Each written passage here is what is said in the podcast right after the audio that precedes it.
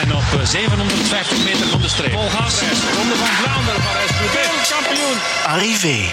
En hier zijn we terug. Het is een tijdje stil geweest. Het was een, uh, ja, een drukke sportzomer voor ons allemaal. Het was wat moeilijk om uh, de agenda's te matchen. Maar kijk, Arrivé is er opnieuw met twee gasten die heel hard gepassioneerd zijn door tijdrijden. Sportmarketeer Wim Laga en inspanningsfysioloog Philippe Spijbroek. Welkom heren.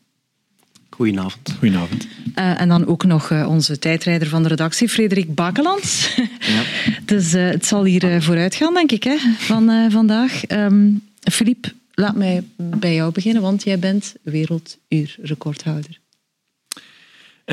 ja, recentelijk vorige maand werelduurrecordhouder bij de Masters categorie 45-49. Zoals in de andere sporten met age groups. En hoe snel gaat dat dan? Uh, ik heb uh, 50 kilometer en 731 meter gereden in het uur. Dat is, uh, dat is behoorlijk hard hè, voor een amateur.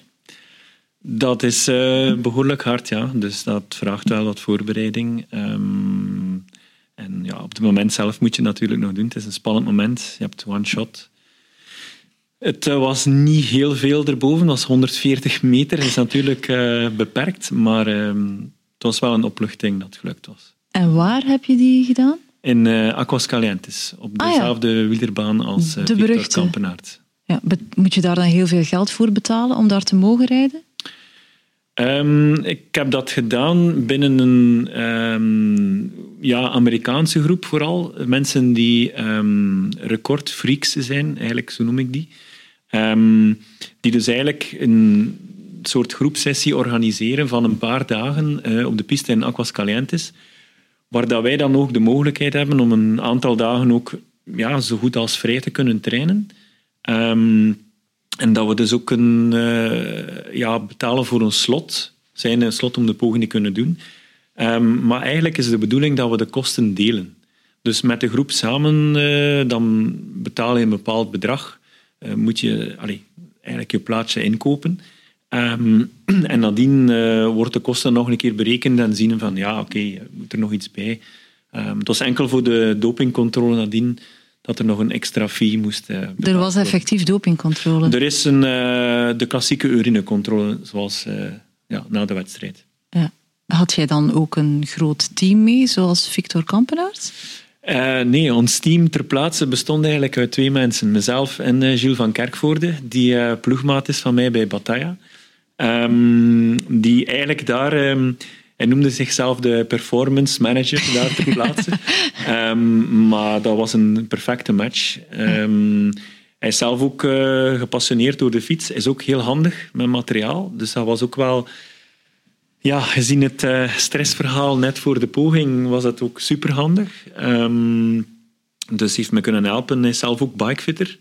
Hij is laatste student uh, revalidatiewetenschap en kine aan de Unie van Gent.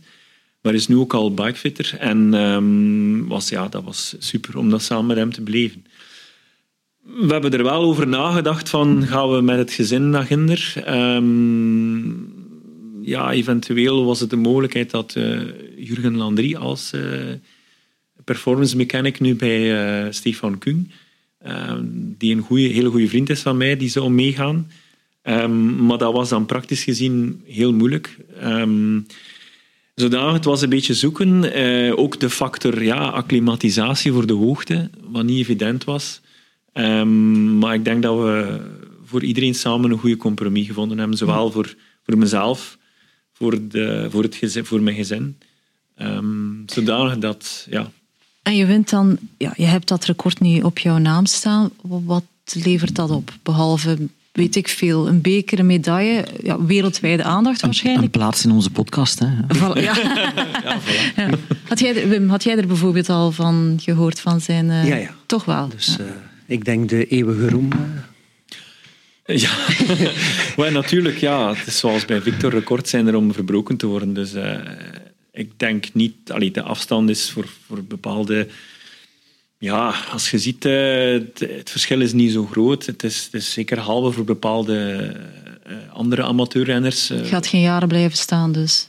Goh, het, het, ja, het is een beetje te zien. Het systeem van die age groups is wel iets apart in die zin dat um, het, um, laten we zeggen, in, als je rekent vanaf de eerste agegroep tot, tot de 50 plus, is eigenlijk het uh, traagste, uit mijn categorie, het traagste is eigenlijk de categorie tot 34 jaar op dit moment. Is, is net boven de 50 km per uur. Vorig jaar, denk ik, uh, ook in Aquas Calientes omdat er zo weinig jonge gasten daar belangstelling voor hebben? Of hoe mm, verklaar je dat ik dan? Ik denk dat dat ook een beetje de trend is, zoals dat we soms op het WK zien. Um, dat de sterkste WK voor amateurs? Of, ja, dus het WK zoals dat we nu in Trento gehad hebben. Allee, Fondo WK, maar eigenlijk masters en amateurs is eigenlijk ook zeker voor de tijdrit het WK.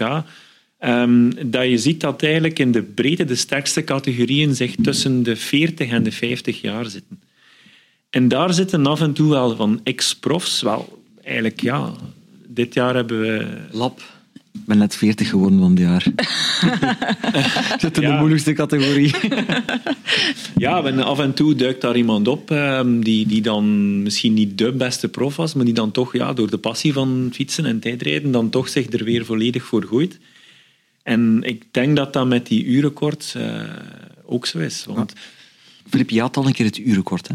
toch? Wel, ik, in, de vorige ja, in 2015 heb ik toen in de categorie 35-39 uh, in Manchester record gebroken, maar dat record staat ondertussen al op meer dan 51 km per uur.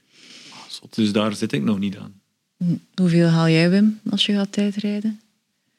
Over welke afstand? Och, ja, het is maar omdat je voordat we Wel, ik stelde te mij... zei van ik ben echt een amateur hè, hier ja, aan tafel. Ja, dus ik voel me een beetje geïntimideerd in het gezelschap van Filip eh, en, en, van Frederik ook. Maar ik dacht uh, in de wagen onderweg naar Centrumronde van Vlaanderen, wat zou ik nu met optimale voorbereiding op een uur, materiaal op punt en over alle marginal gains die, die beheersbaar zijn richting techniek voorbereiding, dan denk ik, ik vrees dat ik enkel 41, 41,5 per uur, en niet vlugger, uh, zou, zou kunnen hebben. Dat is toch ook niet ja. zo Misschien wat, wat dan meer de gewone sterveling kan, Filip, met goede voorbereiding. Ik denk, maar ik ben wel 58 jaar natuurlijk. Ja. Dus, uh, ja, maar je hebt andere troeven. Hè? Je bent uh, ja, bedreven schrijver van heel wat boeken over sportsponsoring en sportmarketing. Daar kunnen we het uh, nog uh, over hebben straks. Ik wil eens terugkeren naar het voorbije WK. Je bent de tijdrit van Alex Seegaard gaan volgen vanuit zijn supporterscafé. Ja, klopt. En um, het speciale, denk ik, is niet alleen het, ochtenduur, hè, om, om zeven uur s ochtends in een café in uh, Godbetert Lendeleden. Ik woon in het Waasland in Temse. Maar dus mijn familie, mijn vader op kop van 93 woont nog in Lendeleden. En eigenlijk het verhaal van Alex Seegaard ligt me zeer nauw aan het hart omdat uh, papa Frank, uh, gedreven triatleet, vorig jaar Belgisch kampioen, triathlon halve afstand 50 plus, is eigenlijk ongeveer net geen jeugdvriend. Uh, oudste zoon Loïc zijn carrière op de voet gevolgd. En uh, veel van mijn wielerbeleving is zo'n beetje gepokt en gemazeld in lendeleden.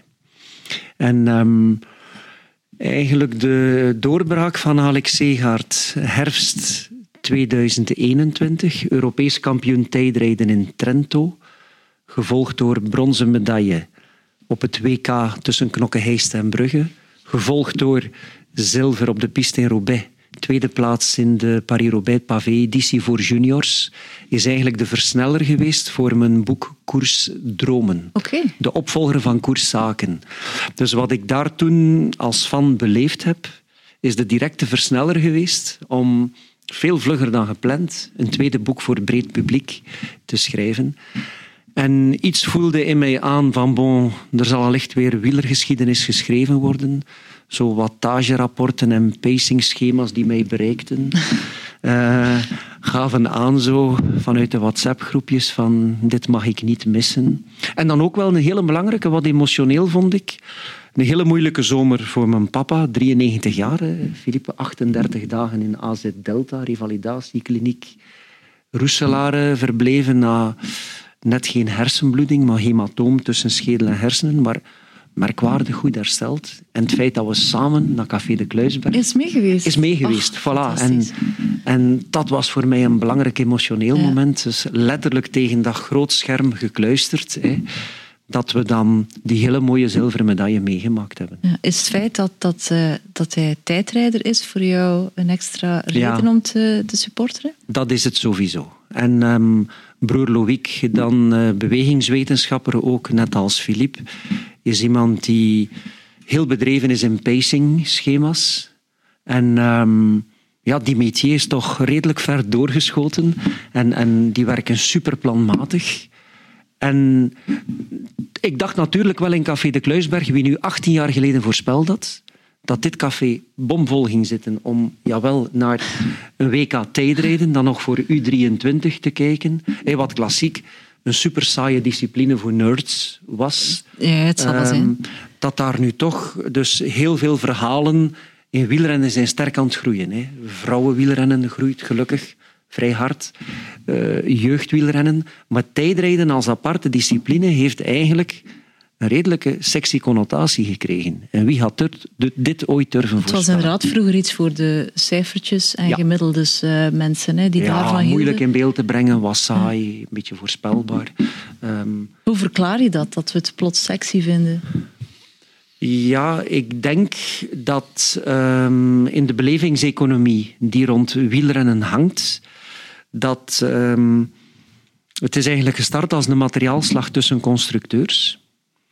Maar het is zo'n discipline, als je daar wat kunt op toeleggen en in specialiseren, kun je vooruitgang maken. Maar het is eigenlijk vooral een verhalensport, hè, dat de Stefan Kungs Hey, dus, en, en de Alex Segaerts en, en de Remco Evenepoels uh, en de Ganas en Wout van Aert. Uh, dat die het ook als, als wegrenner maken. Het is gewoon een volwaardige, aparte discipline geworden die nu echt ook naar waarde geschat wordt. En dus... besef ook bij de mensen dat, neem nu de grote rondes, dat een tijdrit daar wel eens het verschil kan gaan maken tussen winnen en, en tweede worden? De drie grote rondes vorig jaar zijn in het slotweekend via een tijdrit beslist. Hè. En dan te weten dat in de jaren 90 dat er tijdritten bij zaten van uh, 50 kilometer, 60 kilometer en veel, dat het veel meer doorwoog. Nu, de Giro zou meer gaan doorwegen volgend jaar naar het tijdrijden. Ja. Uh, de populariteit van het tijdrijden uh, staat of valt volgens mij met, met, met figuren. Hè, waar je het laatste, ja. dat je zei, de, de, figuren. Hè. Maar zo, het, het Roglic-Pogacar-duel ja. staat voor ja. eeuwig op ons netvlies gebrand, denk ik. Hè? Ja. Um, en, en dit maakt het ook ja, heel, heel onderscheidend. En, en gewoon medailles op een WK in elke categorie zijn veel belangrijker geworden. Mm -hmm. En eigenlijk de, de waardering, het is geen herwaardering, de eindelijke waardering voor mm. tijdrijden, die staat er vandaag. En ik denk ook dat het, dat het wel tot de verbeelding spreekt, die marginal gains. Niet alleen in het tijdrijden, ook in het, in het wielrennen aan zich. Het wordt veel meer de focus opgelegd. En in het tijdrijden in het bijzonder is dan nog ja, nog uh, Ja, extra. ik denk dat de impact op de resultaten in een tijdrit groter zijn, dan die marginal gains. Hè. Nu zie je wel inderdaad heel veel jeugdtrainers die shifters naar binnen bewegen en wat het cool is en sommigen echt overdreven, maar de impact op de prestaties is daar veel minder. Maar ja, als een ja, Annemiek van Vleuten al uh, de voetbalkousen hè, aantrekt en een ja. tijdrijdpak op uh, de wegrit... Ja. ja. Maar ze is wel beboet, hè? Ze is wel beboet. Ja, ja, ze is beboet, Wij hebben die cultuur hier. Peanuts, dus je hebt eigenlijk bijvoorbeeld in, in de de anglo-saxische wereld en de Commonwealth-wereld, um, ja, is het eigenlijk soms een beetje andersom. Als je ziet, heel veel Britse wielrenners die komen uit die Britse cycling time trial scene. Mm -hmm. um, Alex Dowsett bijvoorbeeld, tot zijn 17, 18 jaar, die had nog geen koers in lijn gereden. Ja. En die wordt dan opgepakt door de, de, dinges, de um, British Cycling Academy, um, Academy. En dan vanuit die, die, die tijdritpassie allee, probeerde dan eigenlijk wegrenner te worden. Um, maar ik denk persoonlijk de grootste katalysator voor tijdrijden bij ons is Victor, geworden, Victor geweest. Denk ik persoonlijk. En die, die komt ook, net als Alec, komt eigenlijk uit een triathlonverleden, ja. mm -hmm. waar dat je natuurlijk ook die, ja, um, die gewoonte hebt van inderdaad te gaan pacen en naar dat, in, alleen dat constante tempo te gaan, wat dat in, in triathlon en ja, wat dat dus in tijdrit de basis vormt eigenlijk om een goede prestatie te leveren. Of bekijken we het nu te veel van, vanuit onze Belgische blik, omdat wij net nu goede tijdrijders hebben en in beeld komen, denken we dan algemeen dat de belangstelling voor tijdrijden is gegroeid? Er is een uh, continue groei, maar die is nu wel extra gevoed, denk ik, door de Belgische topprestaties. Uh, en inderdaad. Victor Kampenaerts is daar belangrijk geweest, maar ook wel de gele trui in Kopenhagen van Yves zo in moeilijke regenomstandigheden was dat ook weer een onverwacht pigmentje. Zo. Met de successen van Remco blijft toch ook eh, het beeld hangen van Yves Lampaert die dan net Remco in zijn Engelmunster klopt. Ja, ja, dus dat, dat, dat, dat zijn zo beklijvende verhalen. Hè, hmm. die... Ja, het is zo... ik bedoel... Um, vroeger zijn we inderdaad tijdrijden, het is, het is wat saai, eh, het is constant, het is één renner per keer. Um, en, en, met triathlon is dat ook zo, dat je zegt van ja, oké, dat is niet echt een, een kijksport, maar meer een doelsport. Ja. Um, terwijl zelfs ik als, als nog niet fietser, als voetballer, ik vond dat fantastisch om naar de Tour te gaan en om een tijdrit te kunnen volgen, één per één. En om die... Want uiteindelijk, als je nu ziet, in, in de laatste jaren in de grote rondes, dan zijn de tijdritten oké wel beslissend, maar eigenlijk relatief kort. Als ik terugkijk naar Indurain, Ulrich, uh, die periode, Armstrong, oké, misschien een andere tijd, maar goed, ik herinner mij de uitspraak van Lance, die zei van uh, Tour, ja, dat is two good time trials, one attack, Tour finished. en dus twee goede tijdritten. Eén van 50 en één van 55 kilometer. Waar dat in Norain toen drie, vier minuten bijvoorbeeld nam op de concurrentie. En ja, begin er maar aan. Ik zeg Filip, de Tour van 1947, Raymond en Panis, een tijdrit van, was het onder, onder 20 kilometer? 139. Of 139. Ja, met de muur de Bretagne. Met de muur de Bretagne. Die, ja, Gilbert de Smet heeft ook ooit Anquetil in een hele lange tijdrit in de Tour geklopt. Allee, ik bedoel, dat zijn fantastische verhalen eigenlijk. Hoor ik jullie nu zeggen dat jullie voorstander zijn van lange tijdritten? Ja, voor mij, voor mij mag, er wel, mag er wel een iets langere tijdrit. En, dat vind ik ook. Allee, een iets langere mag er altijd... ja. ja. Ik vind allee, een grote ronde met één tijdrit van 30 kilometer vind ik te weinig. Ik ook. Ja. Oké. En de ploegentijdritten? Voorstander van of niet? Ja, het levert toch wel uh, unieke plaatjes op. Ik denk voor veel renners is dat uh, horror. Zeker wanneer je met uh, betere of echt zeer goede tijdrijders in je team zit. Hè. Mm. Um, is dit... Um, zijn velen, denk ik, de wanhoop nabij. Technisch heel moeilijk. Brussel was in, in dat opzicht fantastisch, hè? die ploegentijdrit. Maar het is wel een andere inspanning. Als je met acht aan de start staat, ik spreek uit, uit, ervaring, een ploegentijdrit is nog net iets anders. Ja, vertel eens. Um, ja, je zit toch met een iets meer intervalmatige inspanning. Als je op het hangt van de aantal renners. Is lastiger eigenlijk? Um, voor mij persoonlijk als je in een goed team zit, wel. Dit jaar bijvoorbeeld heb ik in het Belgisch kampioenschap iets onder contract uh, met Bataya uh, toch wel afgezien. Ja. Um, omdat het toch, ja, het is, je gaat eigenlijk um, echt wel goed in het rood als je op kop komt. En dat moet ook wel. En dan moet je achteraan terug aansluiten, moet je terug herzetten. Um, en bij een individuele tijdrit zitten die hartslagen net iets uh, ja, het, is, het hangt van de lengte van een tijdrit af natuurlijk. Hè. Maar een individuele tijdrit van 40 kilometer is iets totaal anders dan een ploegentijdrit met vijf mensen van 40 kilometer. Ik heb hier wel nog een leuke anekdote. Dus we gaan terug naar 2004. En dat was het eerste jaar Pro Tour. Hein Verbruggen was uh, voorzitter Internationale Wielerunie. En in de buurt, Frederik, of in, in, in zijn stad, in de buurt van Eindhoven, was een afsluitende Um, Pro Tour, uh, eigenlijk ja, wereldbekermanche voor world teams. Maar morgens mochten, misschien heb je daar ook met een team deelgenomen toen, mochten teams van uh, negen renners, recreanten ook over die uh, Helmond, dacht ik. In Helmond mochten daar ook deelnemen. Um, maar dus 40 kilometer, allez bon, volledig verkeersvrij, dus niet verkeersluw. Heel mooi georganiseerd. En um, ik stond daar als naar het Waasland uitgeweken recreant tijdrijder met acht driftige West-Vlamingen aan de start. En ik herinner me nog, uh, was zo'n kloeke boy. Allee, we leerden elkaar kennen. Zei maar ja, dat is hier. Uh, we noemen hem Snelle Niddy. Jullie hadden ook nog niet getraind nee, samen? Nee, bon, ik kende twee drie mensen. Ja, het was zo een groepje verschoppelingen samen. Welkom in de wereld. Hè. Je ging het wel zien ter plekke. Ja, voilà. En op de eerste brug werd er een van de negen, hè, die Snelle Niddy, werd er afgereden. En ik dacht, oei, het is hier ernstig vandaag. En ik was, uh, ik dacht, hm, nu moet ik toch ook een beetje en met tactisch moest, rijden. moest je finishen? Ik moest met zeven finishen, Oh, ja. denk ik. Ja, ik dacht, ik ga toch ook een beetje tactisch. Ik had vooral stress om daar vlug alleen te vallen. En het werd zo'n beetje een oefening in slepen. Ja, dus uh, mijn, mijn toegevoegde waarde was vrij beperkt. Maar nu komt de anekdote. Er stonden ook professionele fotografen. En ik herinner mij dat ik twee keer op kop gekomen ben. en juist, moment. dus uh, toen de foto genomen werd. Ik probeer dat ook altijd te doen. En ik dacht, dit is het bewijs dat ik wel een gazettecoureur ben. Ja, hier is bewijs geleverd. Nu, ik heb heel kort, ik heb uh, uh, voorafgaand aan de Enico Tour was er ook een recreantentijdrit. Klopt. Ook een teamtijdrit, vroeger. Ja. Al lang geleden. En ook met een team deelgenomen en Louis Talpe was daar ook bij. Ja, ja. Louis, hè, ik ken hem, schoon Een goede triatleet ook wel. Hè? Uh, heel toffe, toffe P. En um, 200 meter heeft het geduurd. Hij was, hij was er ook af. Zal het niet graag horen als, als ik het nu zeg, maar was er ook meteen af. Een, een, een, is zo anders. En dan heb ik Ja. de, de cruciale fout gemaakt, was ook denk ik mijn eerste ploegentijd ooit, om hem op te wachten. Maar dat is ook niet eenvoudig. Dat is eigenlijk onbegonnen werk. Uiteraard, dat moet je nooit doen. En natuurlijk, maar het was heel, heel in het begin. Je denkt van, oké, we gaan...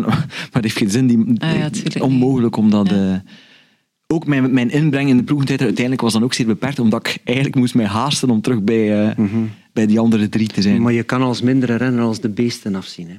Tussen echt En wel goeie- probeer de pijn eens te omschrijven van, op van het circuit tijdrit. van Zolder heb ik dus met vijf renners. En, en dat circuit van Zolder vind ik. Ik heb er echt heel slechte herinneringen aan dat ik daar zo afgezien heb. Hè. En ooit een keer, of all places, Torhout, Wijk de Goede Herder. Ken je? Ja, die wijk bestaat en daar is een ploegentijdrit gevolgd door individuele tijdrit, met teams van drie renners. En een van ons drieën, by the way, Jan Godard, de broer van Ozark Henry, is zo'n gedreven tijdrijder, recreant, goeie duatleet ook. En Jan was zo enthousiast, zo wild in zijn bochtenwerk. En wij moesten onderste uit de kan. En ik zou zeggen, bijna gelukkig voor ons team dat Jan zijn tweede bocht miste. En, en, maar dan moesten we met twee, de rest van. Dus het kan er zo wild aan toe gaan hè, en zo onstuimig. Maar jij ging iets over Zolder zeggen, Filip. Uh, ja, nee, ik ook eigenlijk inpikken naar Zolder is, een, is een echt een slopend parcours. Ja. Um, we hebben daar ook uh, nu de laatste twee jaar um, Limburg snelste, de tijdrit op Zolder, waarbij dat we elf rondjes moeten rijden. En ik, ik, vind, ik vind dat wel zwaar. Dat is zo echt een bepaalde vorm Voor de van niet-kenners, het is niet vlak, hè? Nee. Nee, het is zeker niet vlak. Nu, pas op, er zijn nog andere. Um, ik heb een paar jaar geleden ook de tijdrit op de Nürburgring gereden. En, uh, en dat is echt wel uh, heel speciaal. En ik kan me voorstellen bij jullie aan zeer hoge snelheden dat de wind en de luchtweerstand enorm spelen daar ook in die open vlaktes. Uh, wel, de, in de Nürburgring um, is het zo, een raad, um, raad am Ring, die tijdrit is op vrijdag, is het bijvoorbeeld verboden van met een vol wiel te rijden, okay. achteraan. Omdat je daar eigenlijk uh, de Nordschleife, dat circuit, je hebt dan die afdaling. Een, een, afdaling waar je naar 100 km per uur gaat en dan ja. heb je een klim. Allee, dan, als je echt snel wil rijden, moet je dat wel daar doen.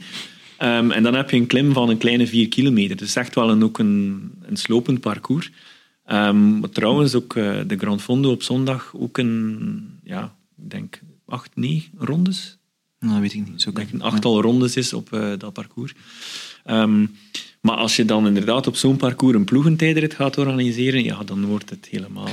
Wat mij ook opvalt in de recreantentijdritten, waar ik eigenlijk betreur dat er al maar minder zijn, ja. hè, dat, dat valt wel op. Als je kijkt naar vijf jaar terug, we hebben nog een team gehad ooit, ja. uh, een, een ja. tijdritteampje ge gemaakt, uh, met BioRacer was dat toen.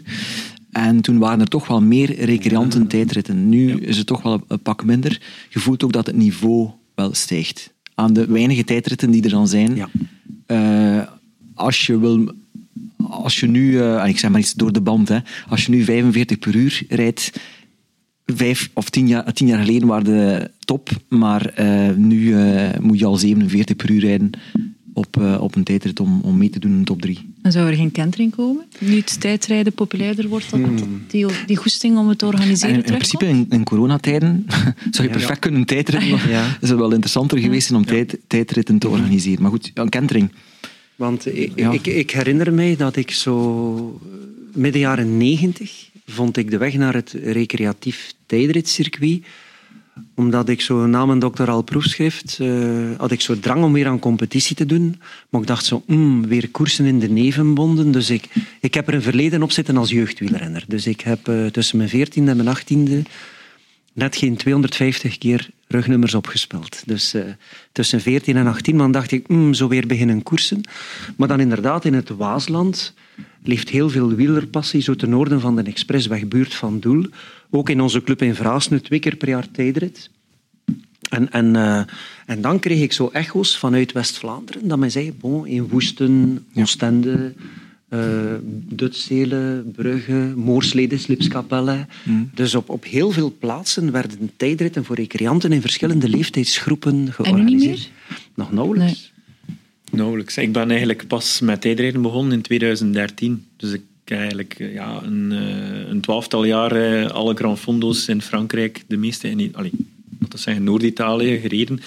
Um, en dan eigenlijk uh, pas de passie van tijdrijden. En toen was, ja, toen was het nog Sava. Ik denk dat er toen nog redelijk wat uh, Dutselen, hoogleden, onder andere, ja, uh, en zo. Maar ondertussen zijn er, um, ja, ik denk... Um, Geel is er nog. Geel, Geel is al is een vaste waarde. Ja, de recreantentijdrit van de Memorial Igor de Kranen. Ja, ja. Um, die is er ook nog. En dan Limburg snelste. Maar dan, dan moet je al snel ja, de Nederlandse grens ja, van daar. Tijdrijden.nl, dan moet je daar zoeken. Uh, bestaat er zo'n website voor België ook? Die bestond toen. Tijdrijden.be ja. heeft ooit bestaan. Maar ah, is, uh, wordt ook niet meer gevoed. Nee. nee. En met uh, de medaille voor Febioris in gedachten, de allereerste medaille in tijdrijden voor een Belgische vrouw, staan er ook veel vrouwen aan de start van zo'n recreatieve tijdrit? Mm, niet zoveel, maar er zijn er wel. Uh, wij trainen ook een, uh, een tweetal wielrensters die toch... Allez, eentje die komt uit de, de triathlon. En andere die studenten geneeskunde, maar die een, een ja, nu echt ook nog geblesseerd is en een redelijke zware valpartij had. Maar die is daar ook wel gepassioneerd door en wou volgend jaar ook de combinatie. Maar het probleem soms bij die... Um, in België heb je zo de cultuur van, je hebt dan de, het elite zonder contract, de tijdrennen, amateurtijdritten. En dat is ook soms het probleem waar ik zelf mee worstel. En ook bijvoorbeeld voor volgend seizoen vraag ik nog een elite-licentie aan om toch een Belgisch kampioenschap te kunnen rijden. Um, maar dan heb ik het probleem dat ik bepaalde tijdrennen, zoals in Memorial de Kranen, niet kan rijden. Ja, okay. En echt bij mij als, als elite-renner, elite zonder contract, ik krijg geen enkele wegwedstrijd.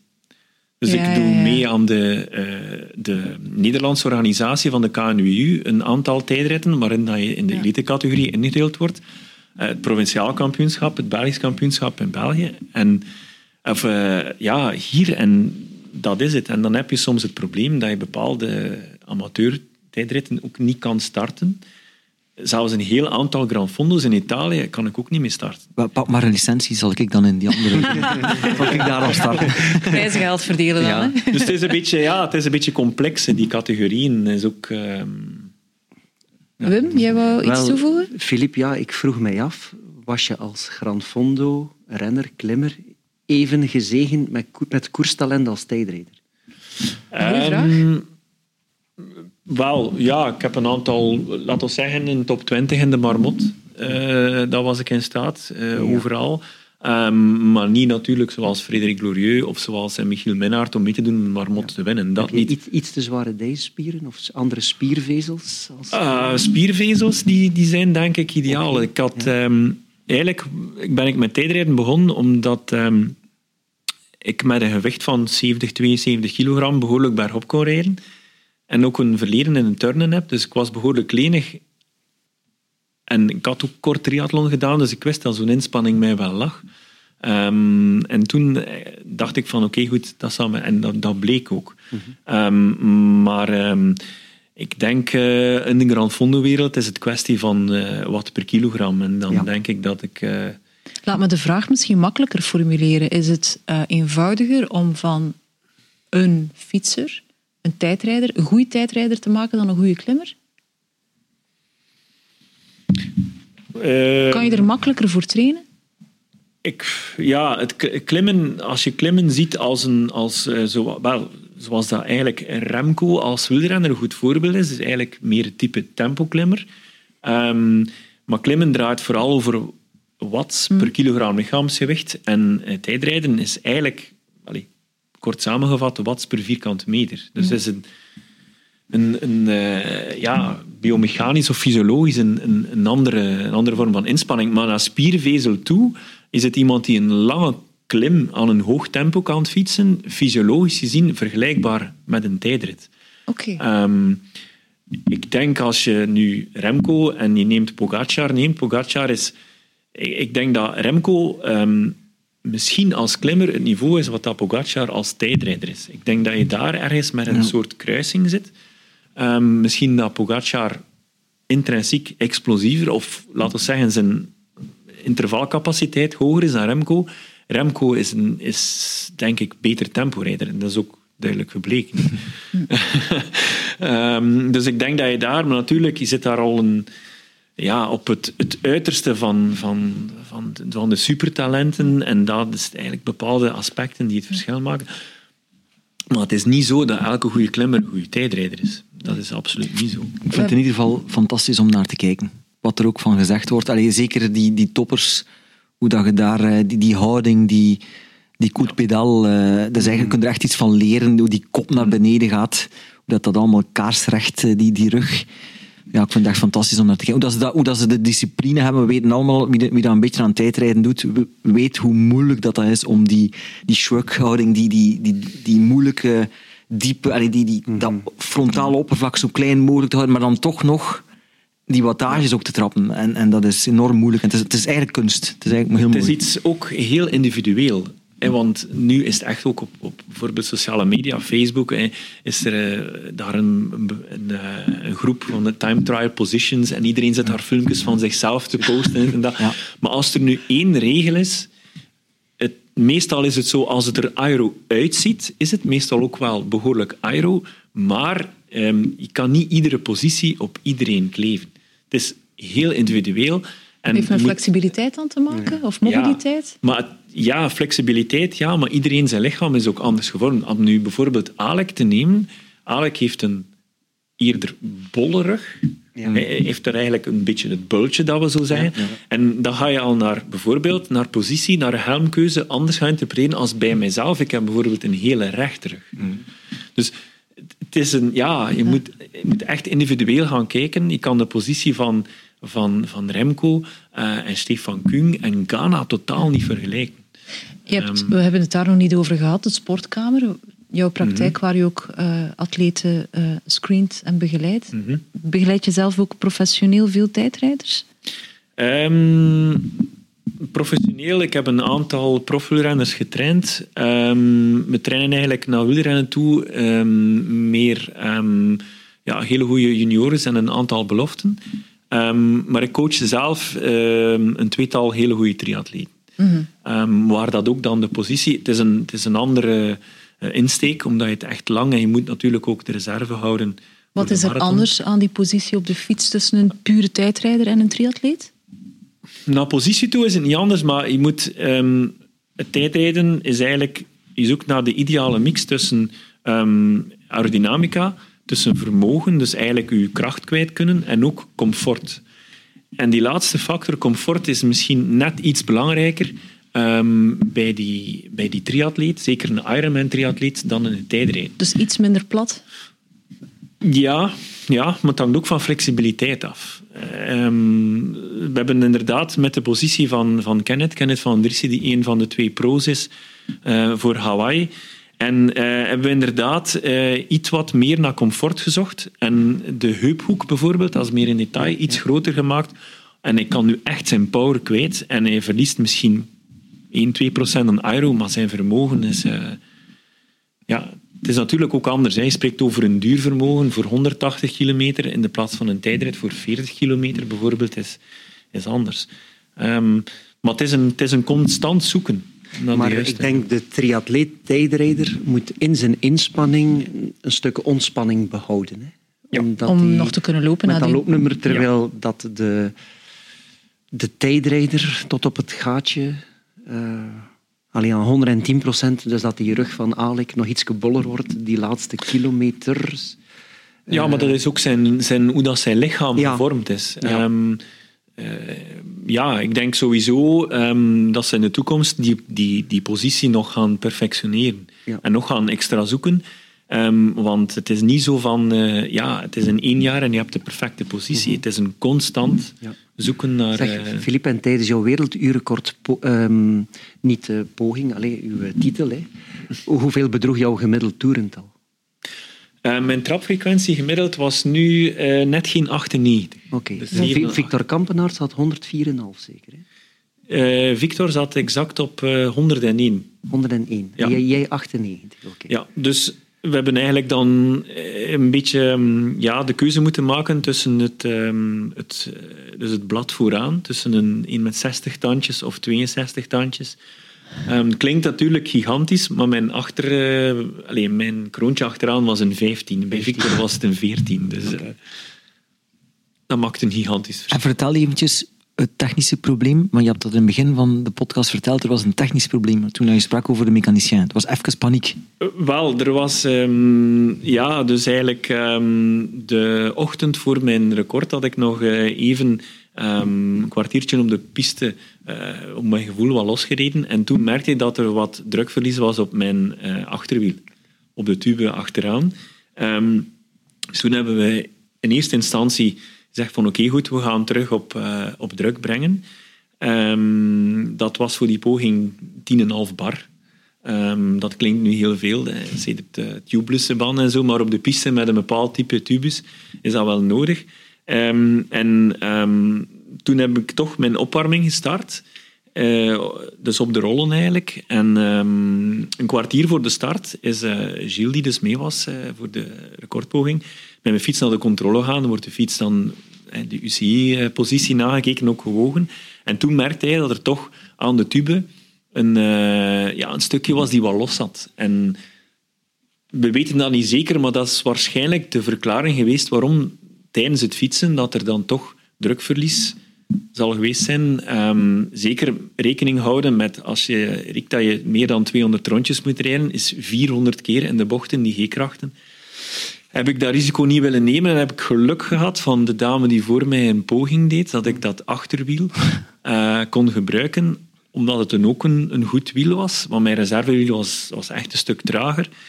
En heb ik dan uiteindelijk de keuze gemaakt om eh, mijn kroontje te versteken. Heb ik dan met dat wiel achteraan. Vandaar de... Stressen. Jawel, ja, dat is Toch wel, inderdaad hè? eh, stressen, omdat je Energieverlies toch? je plant eh, je voorbereiding tot ja, bijna tot op de minuut eigenlijk. Eh, je weet, 11 uur is de start. En dan ben ik uiteindelijk 11 uur 18 uit die startblok gereden. Dus natuurlijk, ja. Niet dat dat het grote verschil maakt, maar het was mentaal wel...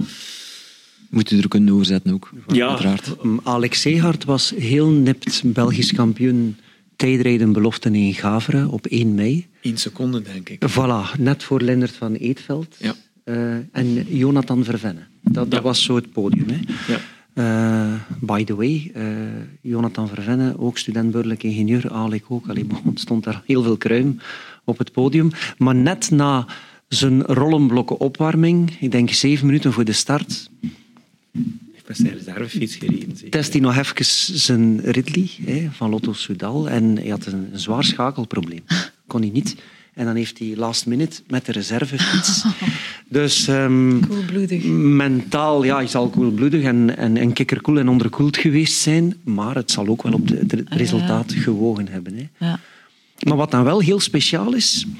Dus ehm, hij wordt Europees kampioen bij de beloften in Portugal begin juli, negen weken later. Met ongeveer dezelfde normalized power, maar met een paceplan dat totaal anders ingedeeld was. Op een meer heuvelachtig parcours, met veel grotere verschillen. Dus het parcours in Gaveren, misschien heb jij daar ook deelgenomen, Filip. Ik heb ook het... eh, kan je iets vertellen dat, je, dat, je- dat jij het parcours ervaren hebt? Eh, voor mij persoonlijk heel of te technisch. Ja. Ehm, ik heb geen verleden als eh, wegwielrenner, eh, ook niet bij de jeugd. En het, uh, het bochtenwerk uh, was voor mij niet eenvoudig. Ja. En durf je door de bochten gaan? Of heb je voortdurende angst net voor de bochten? Of er... Ja, ik durf wel behoorlijk. Ik denk, ja, je hebt misschien gradaties. Ik denk dat ik ergens tussen de triatleet en de, de profwielrenner zit. Ik denk dat ik wel behoorlijk een bocht kan nemen, maar als je dan... Dat heb ik ook gemerkt in het BK ploegentijdrit. Um, dan samen met Jeff van Meijragen en... Uh, um, ja, River ook beide ex-profs. Ja, dan uh, ja, was het inderdaad, zelfs de laatste ronde, echt ja, roepen van niet remmen, niet remmen. Uh, en dan was de laatste bocht eigenlijk naar de lijn, was toch bijna met de ogen dicht van oké, okay, nu ga ik niet remmen. Okay. En dan blijkt dat je dan toch eigenlijk nog die bocht mooi kan nemen en geen snelheid verliest. En daar merk je waar het verschil. Dus ik ben Denk aan eh, de kritiek die Remco al in het verleden kreeg, dat hij niet kon sturen. Hij wint wel het BK in Gaver, hè? BK ja, dat vond ik inderdaad wel, wel heel... En dat vond ik ook dan wel zo opvallend eh, aan die tijdrit, aan het WK nu, dat ik dacht van, die machtig mooie lijnen als Stefan Kung rijdt, en hij komt daar met 11, 12 seconden boven op die laatste klim. En dan, allee, dan merk je dat, dat Vos dan nog... Ja. ja, kan er nog altijd niet mhm. aan uit, want ik weet niet... Uh, ja, merkwaardig. Ik vond het ook merkwaardig. Ik vind dat top-tijdrijders ook bij de jeugd gemiddeld ook echt goede piloten zijn. Hè. Want, want Alek kreeg vorig jaar wel de kritiek, ook vanuit Belgian Cycling, vanuit de, de meer oudere coaches kreeg hij kritiek van toch nog veel werk aan uw stuurvermogen enzovoort. Maar als je dan de filmpjes zag van Sergio Pauwels, die in Trento Alek coachte, hoe dat je dus aan 73 per uur naar die rotondes fietst... Hè, en die zo vlug mogelijk die bochten echt op scherp van de snee neemt. Het is toch wel... Uh... Kamikazewerk. Allee, het is wel expertise natuurlijk. Het is wel... Een expertise onder controle in combinatie met kamikaze. Ja, een beetje, en, durven en kunnen, denk ik. En, en daarin groeien, want Ali komt inderdaad uit triathlon, maar soms is het perceptieprobleem en de framing groter dan... Dan het eigenlijke probleem. Er was geen probleem mm. in het geval van, van Alek. En ik denk bij Remco, wil ik daar toch ook zeggen, als je als neoprof San Sebastian wint, kan je wel al een, een semicol bergaf. Zonder ooit gekoerst te hebben. Hè. Dus die basis om te sturen is er wel wat. Hè. Bij, bij Remco natuurlijk, er is nog aan, aan geweest. Maar, maar, vorig jaar in de Giro was dat ook pure framing op den duur. Hè. Ja, tuurlijk. En is er zo gelijk. een soort van mammoetanker denken. Hè. Iedereen denkt ja, er is zo heel wat op gefocust. Hè, toen dat hij in, die Lombardij, um, in die afdaling, daar gevallen is en hij wou dan Nibali volgen. En, ja. ja, er zijn natuurlijk onder die wielrenners, die profwielrenners, die, die allemaal behoorlijk kunnen dalen, zijn er natuurlijk dan ook nog superdalers. Ja. En, en, maar mag ik zeggen, een superdaler als Mohoric is ook al een paar keer tegen de vlakte gegaan. Hè. Dus, dus uh... Ja, maar de, de, ja, de zware blessures dat de Paulus, Paolo Savoldelli uh, in het voilà, verleden... Uh, het is on the edge. Hè? Ja, ja, het is on the edge, inderdaad. Uh, als je de bocht van Mogoric... Uh, in Milan Sanremo en dan met die dropper, keer, dan denk ik zoiets ja, dat is natuurlijk wel... dat is bijna over het randje. Hè? Dat is niet... Maar nog één, één vraag stellen. Waarom... nu gaan ze allemaal naar Grenchen. Ook Gamma binnenkort voor zijn uurrecord. Wat is er met Grenchen aan de hand, die, die Zwitserse piste? Is die zo snel? Want uiteraard, die gaat dan naar hoogte, jij, naar Mexico enzovoort. Zou die groep Amerikanen daar niet beter naar Grenchen gekomen zijn? Waarom, kom, waarom gaan de Dat was inderdaad een uh, gespreksonderwerp, onder andere in Mexico. Onder andere die, al, ja, die Amerikanen bij samen. Um, naar het schijnt is er iets met de ventilatie veranderd in Grenchen uh, en zou die uh, luchtventilatie met een aantal blazers in de goede richting blazen op de piste. Oei. Ik, durf dat niet, ik durf dat niet met handen voor in het vuur steken wat er echt waar is, maar het is inderdaad wel een feit. Ik, weet, ik herinner mij de periode toen ik in, Manchester gereden had. Um, was toen het verhaal van, oké, goed, uh, Rowan Dennis breekt in Grenchen het. En ja, een paar maanden later uh, doet Alex Dowsett daar 500 meter bij. En eigenlijk met reserve in Manchester. Omdat toen iedereen wist, Manchester is gewoon sneller dan Grenchen. Um, dat was ook zo toen dat uh, Bradley Wiggins in, in, uh, in, Londen wist iedereen van oké, okay, hij had natuurlijk een nadeel met de luchtdruk en er was ook 3000 man. En, mm -hmm. Ik was daarbij. dat was echt super. was er ja, was er een van de gelukkigen bij. Maar ja. toen wist men ook dat Manchester eigenlijk intrinsiek qua hout en qua vorm van piste sneller was dan Londen. Maar in het plaatje van uh, Wiggins, de marketingmachine daar rond, was Ja. Londen natuurlijk wel Ja. de plek om die poging daar te doen. Hè. Maar zeker niet de ideale omstandigheden voor Wiggins. Nee, want, want de barometrische omstandigheden die dag zouden ook vrij ongunstig geweest Ja, zijn. hij had eh, denk ik Bradley. 1035 of bijna 1040 millibar. Dus dat was inderdaad een, een hele hoge eh, ja, luchtdensiteit of luchtweerstand. Um, maar om terug te komen op Grenchen, het is inderdaad iets heel opvallend. Hè. Eh, Ellen van Dijk doet daar haar uurrecord. Ehm, we zien daar Dan Bingham eh, tweemaal. Hè. Dus, en, en nu Ghana ook. Filip, maar die, die roddel bereikt dan niet de mensen van de Internationale Wielerunie. Van die ventilatoren. eh. Ja, Het is, is- het is- het is eigenlijk een vorm van mechanische doping die in de ik kont... durf- Wel, ik, ik zal eh, aan onze stagiair Arnoud vragen om daar een stuk over te maken. En we gaan dat dan een keer goed eh, inpeperen. daar, Er hè. moet, er moet allee, de natuurlijk, men denkt inderdaad dat de combinatie van het zij dat je iets wint, omdat Grenchen iets wat op hoogte ligt, en dat je daar onder de 1000 meter grens zit, dus dat je eigenlijk quasi geen verlies hebt van zuurstofspanning, dus je VO2 max en zo gaat niet dalen. Maar dat was oké, zes, zeven jaar geleden ook zo. Dus eh, Vraag je, gaat Ghana het uurrecord pakken? Of gaat dit afgelasten? Ik kan het niet meer afgelasten. Hij gaat, hij gaat het moeten doen. Op 8 Maar- oktober. Ja. Maar Ja, hoe- ik- hoe past dat in het plaatje van het, het WK-tijdrijden, waar hij toch niet zo sterk voor de dag kwam? Ik denk dat het mentaal eh, geen voordeel is, tenzij dat men eigenlijk gewoon eh, binnen het team van Ineos er, er echt wel gerust in is van oké, hoe het, het past eh, in de voorbereiding. En ehm, hetgeen wat mij persoonlijk vooral opviel, is dat Ghana echt heel scherp staat. Heel mager staat. Ik denk volgens mij iets magerder dan vroeger. Ehm, wat mij niet, persoonlijk niet het voordeel lijkt voor, een- voor een uurrecord te rijden. Ehm, nu, ik denk wel dat de motor van Ghana groot genoeg is in combinatie met zijn, met zijn Ja, beste skills. absoluut. Hij kan op de baan rijden. ja, dat is ongelooflijk. Mhm. Eh, dus ik denk persoonlijk wel dat hij het record zal, zal nemen. Ik had persoonlijk verwacht dat hij het zou uitstellen. Niet om die reden, maar ook om de nieuwe regels binnen de UCI volgend jaar. Wat Er komen- verandert er? Er komen nieuwe regels naar fietspositie toe. ehm, dat de hoek in de, de ellebogen, dus in de armen, dat je eigenlijk toch iets hoger mag komen. Dus nu zitten we daar, de afstand, ehm, of eigenlijk de hoogte tussen het midden van de armpads en vooraan op de shifters, hè, dat is wat technisch, Frederik, maar dat je nu eigenlijk binnen de 10 beperkt, centimeter regel mag blijven. En volgend jaar wijzigt dat, als ik me niet vergis, vanaf een meter 80 naar 12,5, vanaf een meter 90, wat in Ghana zeker is, en naar 15. groot Dus die verschil. hoek kan eigenlijk, dus die positie kan veel meer gaan aanleunen bij de typisch Britse of de triathlonpositie, met eigenlijk de positie van de handen nog hoger.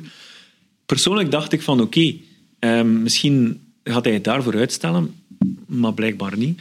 En ik, Ik stel voor dat we nog een extra podcast opnemen met de technische termen en de vertaling. en de, de, de duiding bij al de termen die we hier gebruiken. Want ja, natuurlijk, het is, wel, het is bijna hogere wiskunde. Het is bijna hogere wiskunde, hè, tijdrijden. Ja. Maar- dat, dat maar- maakt het zo mooi. Hè. Maar ik vroeg mij nog af, eh, Filip, dus 50 kilometer, 710 meter had hij in Mexico. 731. Eh, Sorry, ja, om exact te 731. zijn. Ja, maar we moeten exact zijn. 731 meter. En je moest op voorhand een slot reserveren. En vooraf betalen enzovoort in, in Mexico op de piste. Of kon, kon je daar spelen als die dag de barometrische omstandigheden slecht waren? Kon je zeggen, liever overmorgen om drie uur 's middags? Eh, het was enigszins in die groep mogelijk, maar dan moest ik er vroeger zijn. En dan zat ik zelf een beetje in de knoei met die, eh, met die jetlag, om mij toch optimaal te voelen. Ja. Ja, dat eigenlijk als amateur, ja, dan moet je met zoveel dingen gaan rekening houden. Ik kon het mij ook niet permitteren om drie weken vooraf in Mexico te zijn. En kende jouw performance coach iets van de barometrische omstandigheden? Of, of leeft dat daar dan? Eh, hoe weet je dat daar? Ehm, wel, we waren er zelf inderdaad ook... Ja, nee, maar uiteindelijk... Ja. Eigenlijk ben ik daar ingerold dankzij Molly Schaffer van Houwelingen. Eh, dat is eigenlijk de dame die, laten we zeggen, de vrouwelijke Jens Voigt, die na de nieuwe regels... eh, zij is zelf ehm, professor in de rechten in Berkeley University, Amerika. En zij is de eerste dame die het record gepakt heeft overal na de nieuwe regels. Ehm, ze heeft speciaal daarvoor zes maanden in het bloedpaspoortsysteem gegaan. Ehm, en zij heeft dan eigenlijk in Aquas Calientes dat record gepakt. Dat is dan nadien door een, eh, als ik me niet vergis, Australische, dan door Evelyn Stevens en dan denk ik door Victoria Bussi, ook in Mexico, die eigenlijk ook, denk ik, een doctoraat heeft. Binnen de wiskunde dan, denk ik. Um, zijn allemaal eigenlijk hele knappe koppen daar. Uh, maar zij heeft dat eigenlijk uh, via... Ik ben via haar op een WK in de Gran Fondo uh, aan de praat geraakt. En dan zij en haar man, André van Houwelingen, zijn daar echt bezeten in. En zij organiseren eigenlijk elk jaar die trip. Maar dan door COVID is dat twee jaar uitgesteld. Um, en uiteindelijk ja, had ik wel de kans om te zeggen van oké, goed, want er zijn er die, die drie keer een poging weliswaar niet geslaagd gedaan hebben binnen diezelfde week. Mag je oneindig veel proberen trouwens? Of is dat dan... Uh, laat ons zeggen, er is ook een kost uh, verbonden ja. aan elke nieuwe poging, want er zijn een vijf of zes officials nodig om dat dus telkens op te starten, te homologeren. En ik weet dat er momenten geweest zijn in die week dat het uh, qua omstandigheden sneller was.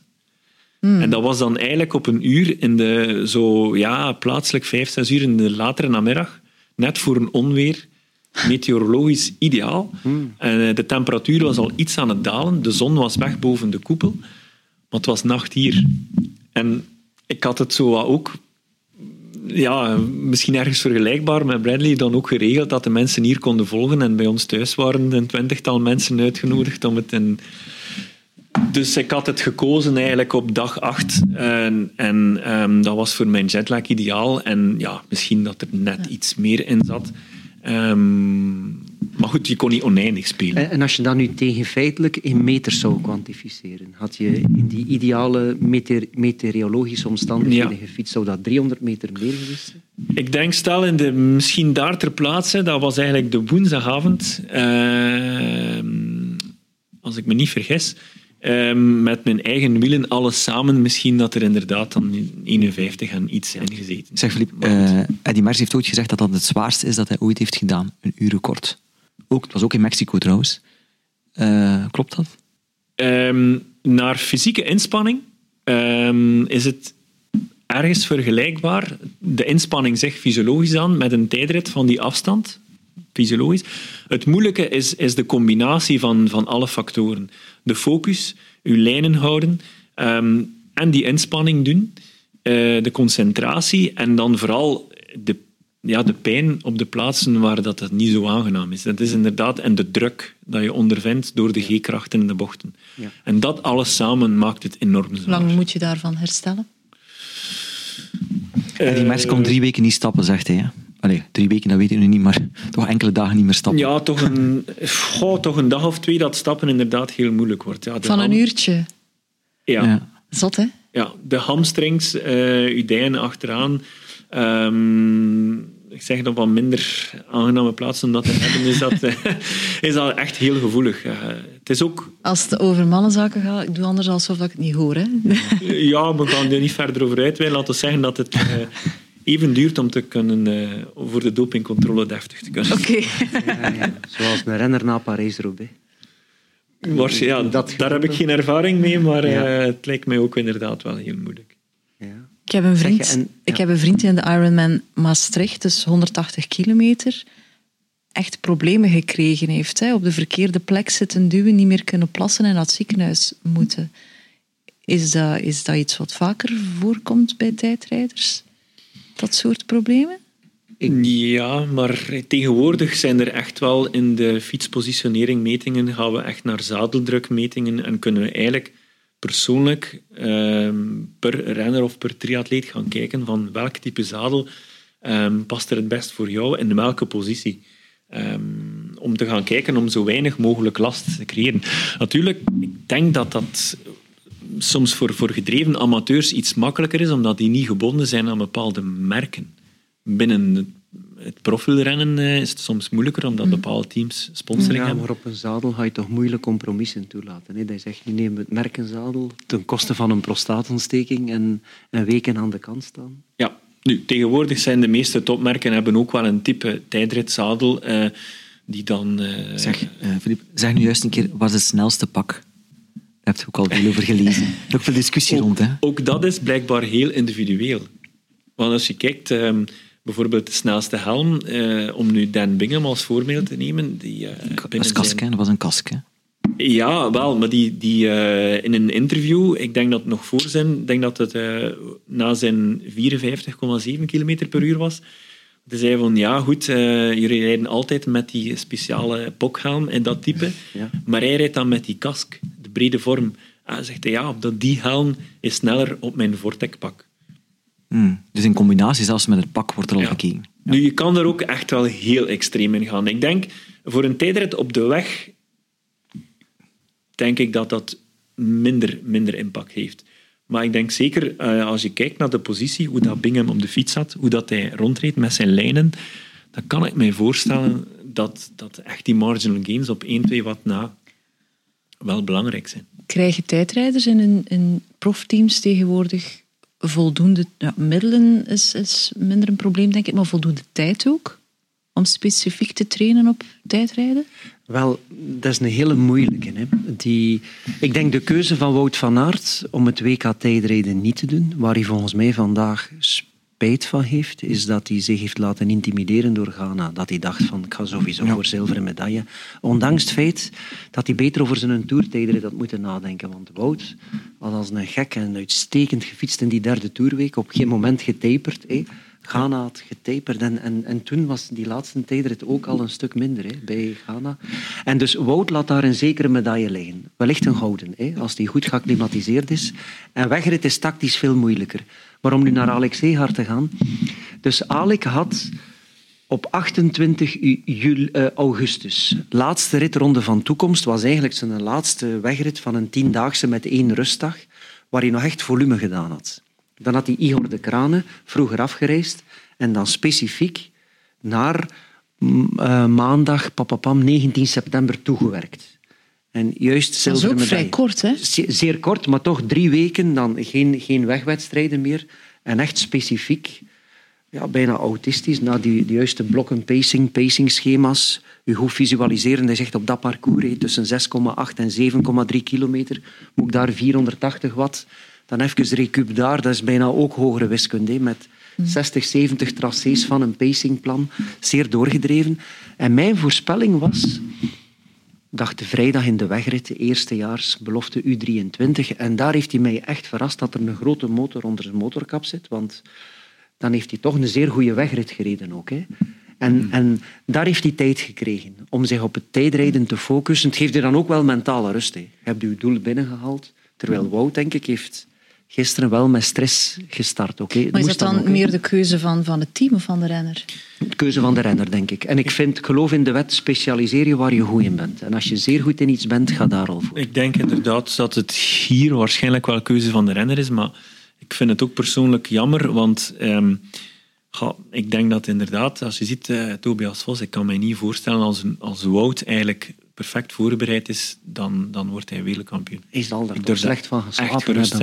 Ik denk dat ook. Zeker omdat Ghana inderdaad onder, on, allez, laten we zeggen, on- op dat parcours normaal gezien met die twee klimmen, als die top is, Ja. eh, toch onder zijn niveau zat. Ja. Ehm, dus ik denk, en, en inderdaad, zoals Wim zegt, ja, die, die, die wegrit, ja, er, uiteindelijk waren er sowieso al en terecht twee kopmannen, dus je bent al niet zeker of dat de wedstrijd... Die- en, en Remco heeft inderdaad op het perfecte moment die... die eh, En Die move bij, gedaan. bij tijdrijden Dus ja. heb je zoiets van... Allee, Wout zal daar toch over nadenken nu, van control the controllables. En in een tijdrit kan je wel wat zelf controleren. Hè.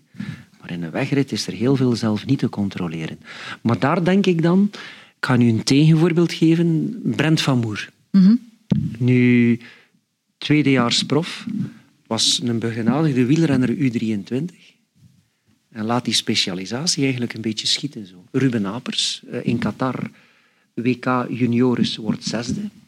Eh, Tussen Brandon McNully, en echt, tussen echte wereldtop vandaag. En dan is het gevaarlijk als je prof wordt om die specialisatie wat te laten schieten. Ik denk dat je er daar moet blijven voor vechten, maar uw team Omdat moet je je dan je ook te veel steunen. moet bewijzen op de weg dan? Ik denk dat. Ik denk dat er van Brent nu vooral verwacht wordt dat hij wat een baroudeur is. En voor Caleb Ewan... ah, Ik vond dat maatloos frustrerend. Als je dan naar Brent keek, naar zijn tour, dan denk ik... Laat toch Frederik Frison en Brent van Moer, laat die toch koersen daar in Denemarken. Hè. Als Caleb Ewan dan weer ingesloten zit en weer in, het nauwste gaatje gaat. En heel dat, dat team offert zich op voor hem. En dan vind ik dat een fout van het performance management van Lotto Soudal ook. Hè. Dat ze hem wel laten verkommeren. Hè. En, en ik denk, Filip, jij weet dat beter dan ik, maar na één, twee jaar kun je die vaardigheden wat kwijtraken. Ook. Ja, ik denk dat het is gewoon ook zo dat de, de meeste allee, hele goede tijdrijders hebben meestal een grote motor en zijn ook ideaal om te gaan inzetten eigenlijk ja, in, in dat tempowerk. Eh, Hetzelfde verhaal met, als je ziet, eh, Tony Martin op het eind van zijn carrière, nu, nu is die rol eigenlijk Rowan Dennis, ja, die, die, die kunnen blijven geven. En het is inderdaad gevaarlijk dat je dan... ehm, een ander mooi voorbeeld, denk ik, van een, van een, een, wereldtopper bij de jeugd is Michael Bjerg. Ja. Bjerg, drie maal wereldkampioen tijdrijden bij de beloften. Nu, je kan het ook anders zien. Je moet eigenlijk, als je ziet, die stap dat je nog moet zetten om bij de wereldtop eh, tijdrijden bij de profs, is natuurlijk ook nog wel groot. En dat kan ook demotiverend werken dan. Ja. En ik denk dat dat bij Bjerg het, ook het geval is. Ja, precies. precies ja. ja. En dan worden zo vijftiende en 28e Ja. en negende. Ik herinner mij het, het, ehm, het Europees kampioenschap tijdrijden in Nederland. Ik denk Remco was 20 jaar. Hij klopt daar Ghana en de andere weet ik niet meer. En Michael Bjerg was er ook, eh, ehm, denk ik, ook Europees kampioen. Ehm, of was het het eerste jaar dat hij bij de profs moest eh, rijden? Dat zou ook kunnen. Maar dan merk je direct, die stap is wel groot. Ja, ja. En de druk op de tijdrijder is dan ook zeer groot. Remember, nog niet zo lang geleden, 14 maand geleden, Remco, Olympische Spelen in Tokio, tijdrijden, hè, start met heel veel druk en iedereen verwacht dat wordt automatisch bijna podium, maar zo is dat wel niet. Hè. En, en ik denk, de grinta en de drive hebben om er bij, voor te blijven gaan. Ik bewonder dat ook wel een beetje aan Alex Segard, dat hij behoorlijk stressbestendig is. Ja. Wordt hij ik- Europees kampioen in Trento, maar drie weken later, tussen Knokke, Heist en Brugge, moet je wel weer uit je pijp komen. Hè? Als ik jullie zo hoor, vinden jullie tijdrijden een, een goede leerschool. Hè? Zoals ze zeggen, Ja. van de piste is ideaal voor jonge gasten om stuurvaardigheid te leren. Zouden jonge renners meer aan tijdrijden moeten doen? Het wel, hè. En ook toerentaltrainingen. Ja, Trapfrequentie. trapfrequentie nu natuurlijk. We hebben ook recentelijk het verhaal gehad met het verzet. Eh, maar goed, dat is misschien weer een ander. dat kan toch niet, hè? Dat, eh, maar, Kan niet ehm, toeval zijn. eh, Blijkbaar Stop. zouden voor internationale wedstrijden wegvallen. volgend jaar, dus het eh, vaste juniorenverzet. Maar ik denk dat die, die, eh, ja, die tijdrijden ehm, is zeker iets wat dat er in de jeugd zowel... Het is ook... Je ziet dat ook zelfs in het amateurrennen, eh, ook bij de beloften, als er een meerdaagse wedstrijd is. Ja, de tijdrit is soms wel van doorslaggevend in het eindresultaat, dat dingen. Dus het is zelfs voor een renner die er misschien intrinsiek niet zoveel aanleg voor heeft, toch nog altijd belangrijk om af en toe op die tijdritfiets te zitten. En wel vroeger, ja, van... Ah ja, er komt binnenkort een tijdrit. Ah ja, ik ga er misschien nog een keer bij rijden. Ja, Nee, maar ik denk, denk toch ook dat je een continu FTP-test ook doet. Wat is uw 20 minuten of 10 minuten of 5 minuten? Dat je dat toch best ook alleen test en in wedstrijdomgeving. En, En ook best op die tijdritfiets. Ja, hè. van- Want eigenlijk is dat een totaal ander verhaal. Hè? Want je kan bijvoorbeeld, als we nu terug wat technisch gaan, naar trainingszones, is op de tijdritfiets anders dan op de weg. Ik hoor van veel triatleten dat die gewoon de, de tijdritfiets op de rollen zetten in de winter. Hè, om, om die houding ook Ja. eh, Niet vast alleen triatleet. Ja. ja. Zeg, Filip, ik vroeg me nog af, wat, hoeveel bedroeg uw gemiddelde hartslag in Mexico? Tijdens uw werelduurrecord. Eh 171. ja. Maar natuurlijk, die hartslag, dat is nu iets wat dat eigenlijk... Is dat relevant? Of, eh, maar, Nee. had, had, je, had je een frisse dag? Kan je daaruit afleiden van ik was fris en goed getaperd, ik was klaar? eh, ik had een hele frisse dag, maar wederom de hoogte. Hartfrequentie is natuurlijk Ja, een ja. ander verhaal. ja. Ja, op hoogte. Dus ik kan, ik kan eigenlijk... automatisch wat telkens hoger zit en dat daardoor minder representatief is? Of, eh, Eh, en fiets je dan constant aan, aan die 171? Of hoe zit dat? je, kan, je ziet niets, hè. Ja.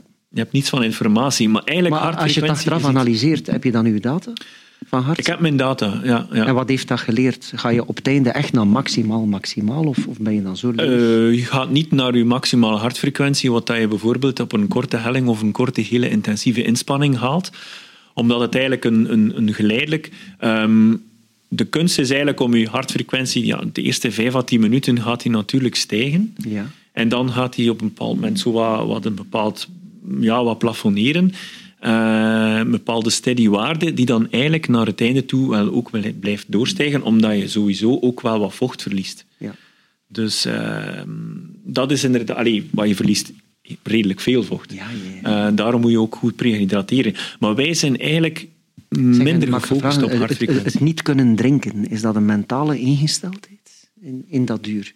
Want wellicht heb je een enorme dorstdrang of, of drang naar uh, drinken. Ja. Uh, ja, een piste is sowieso al een... Uh, ja. Geeft al ja, het is een drogere omgeving. En inderdaad, ja, de kunst is om zoveel als mogelijk te prehydrateren, om natuurlijk, natuurlijk niet... Ja, om... Ook van die ijslollies uh, à la Victor Kampenaerts gegeten? nee, dan niet. Wel, wel een ijsvest en dan ijs in mijn in mijn nek eh, gelegd vooraf en zo. Om inderdaad. Maar dat was eigenlijk een beetje ehm, het eh, moeilijke verhaal in Mexico, dat je naar de ideale compromis moest zoeken tussen de temperatuur en eh, de luchtdruk.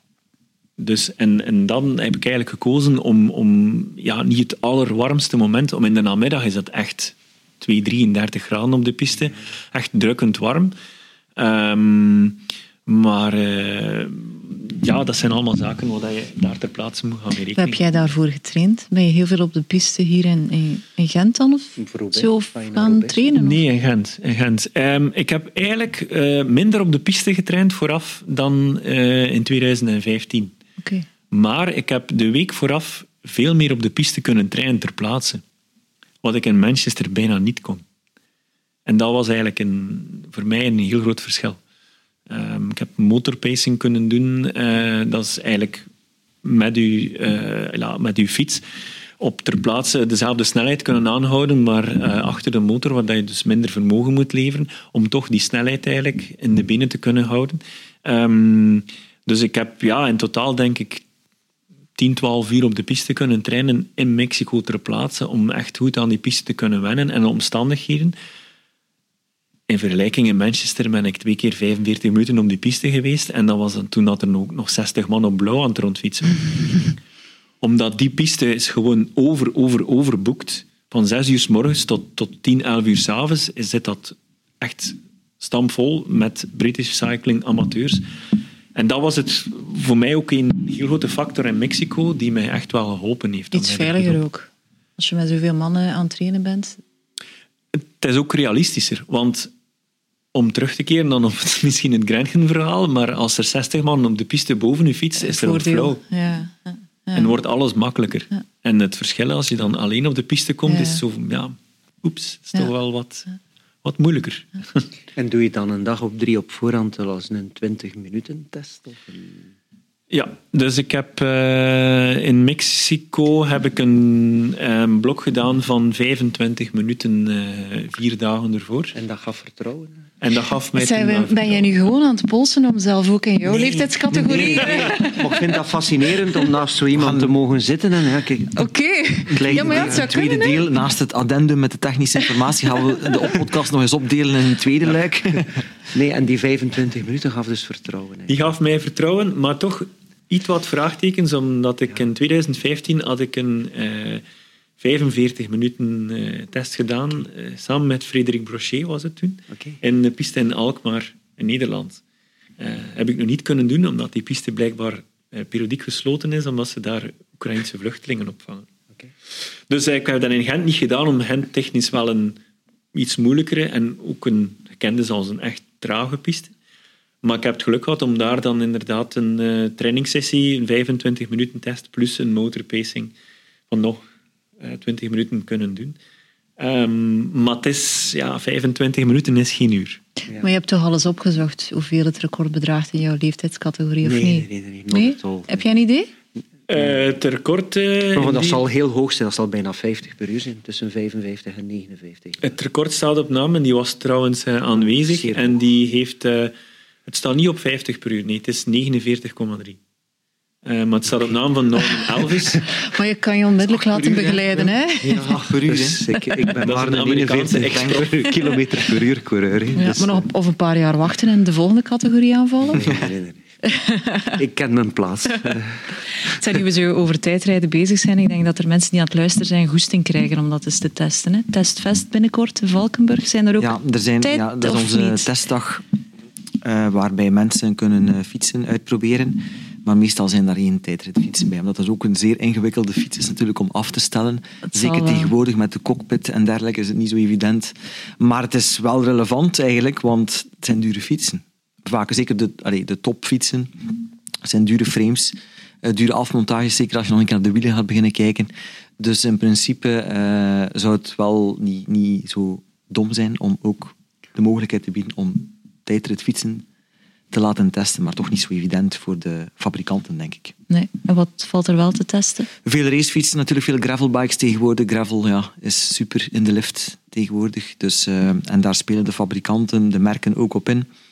Ik denk dat we dan met een twaalftal merken zijn die daar aan het Shimano Experience Center, is het testdorp, uh, heel tof. Het is onze derde keer dat we testfest doen dit jaar. Na Oudenaarde en het circuit Zolder. dus uh, circuit Zolder niet alleen interessant op de tijdrit, maar ook met, om e-bikes te testen trouwens. Natuurlijk, uiteraard. Mm -hmm. nee, nee, dus... Uh, 9 oktober, hè? 9 oktober. En vooraf inschrijven. Vooraf inschrijven via testfest.be. En dan de link onderaan ja. naar Valkenburg. Daarop klikken. Doen jullie zelf ook nog iets anders van fietsen dan puur tijdrijden? Ja. Zitten jullie ook wel eens op een gravelbike? Of, uh... Ik ben eigenlijk rond de leeftijd van 50 jaar met triathlon begonnen. Dus ik ben met tijdrijden begonnen om een veiliger koersvariant te vinden.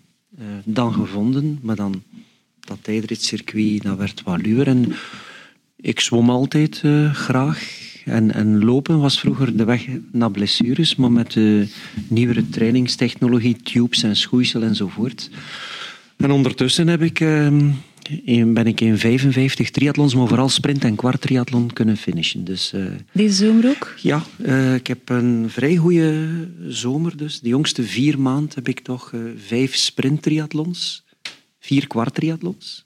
Gisteren nog in Hengstdijk, Nederland, buurt van Walsoorden, ja. buurt van Hulst kwart triathlon kunnen finishen. Maar kijk, twee korte tijdritten maar. Eentje in geel en eentje van onze club tussen Walzoorden en Doel. En welke doe je liefst, stijeren of niet stijeren? Ik doe eigenlijk liever de niet-staaier. Okay, uh, alhoewel, ik, ik, heb ook aanleg voor drafting, hè, omdat okay. ik vroeger uh, ge, ge, gekoerst heb eigenlijk. Hè. Maar dan maak je wel wat minder verschil, maar je kunt nog eens op een veilige manier koersgevoel hebben in een draftingwedstrijd.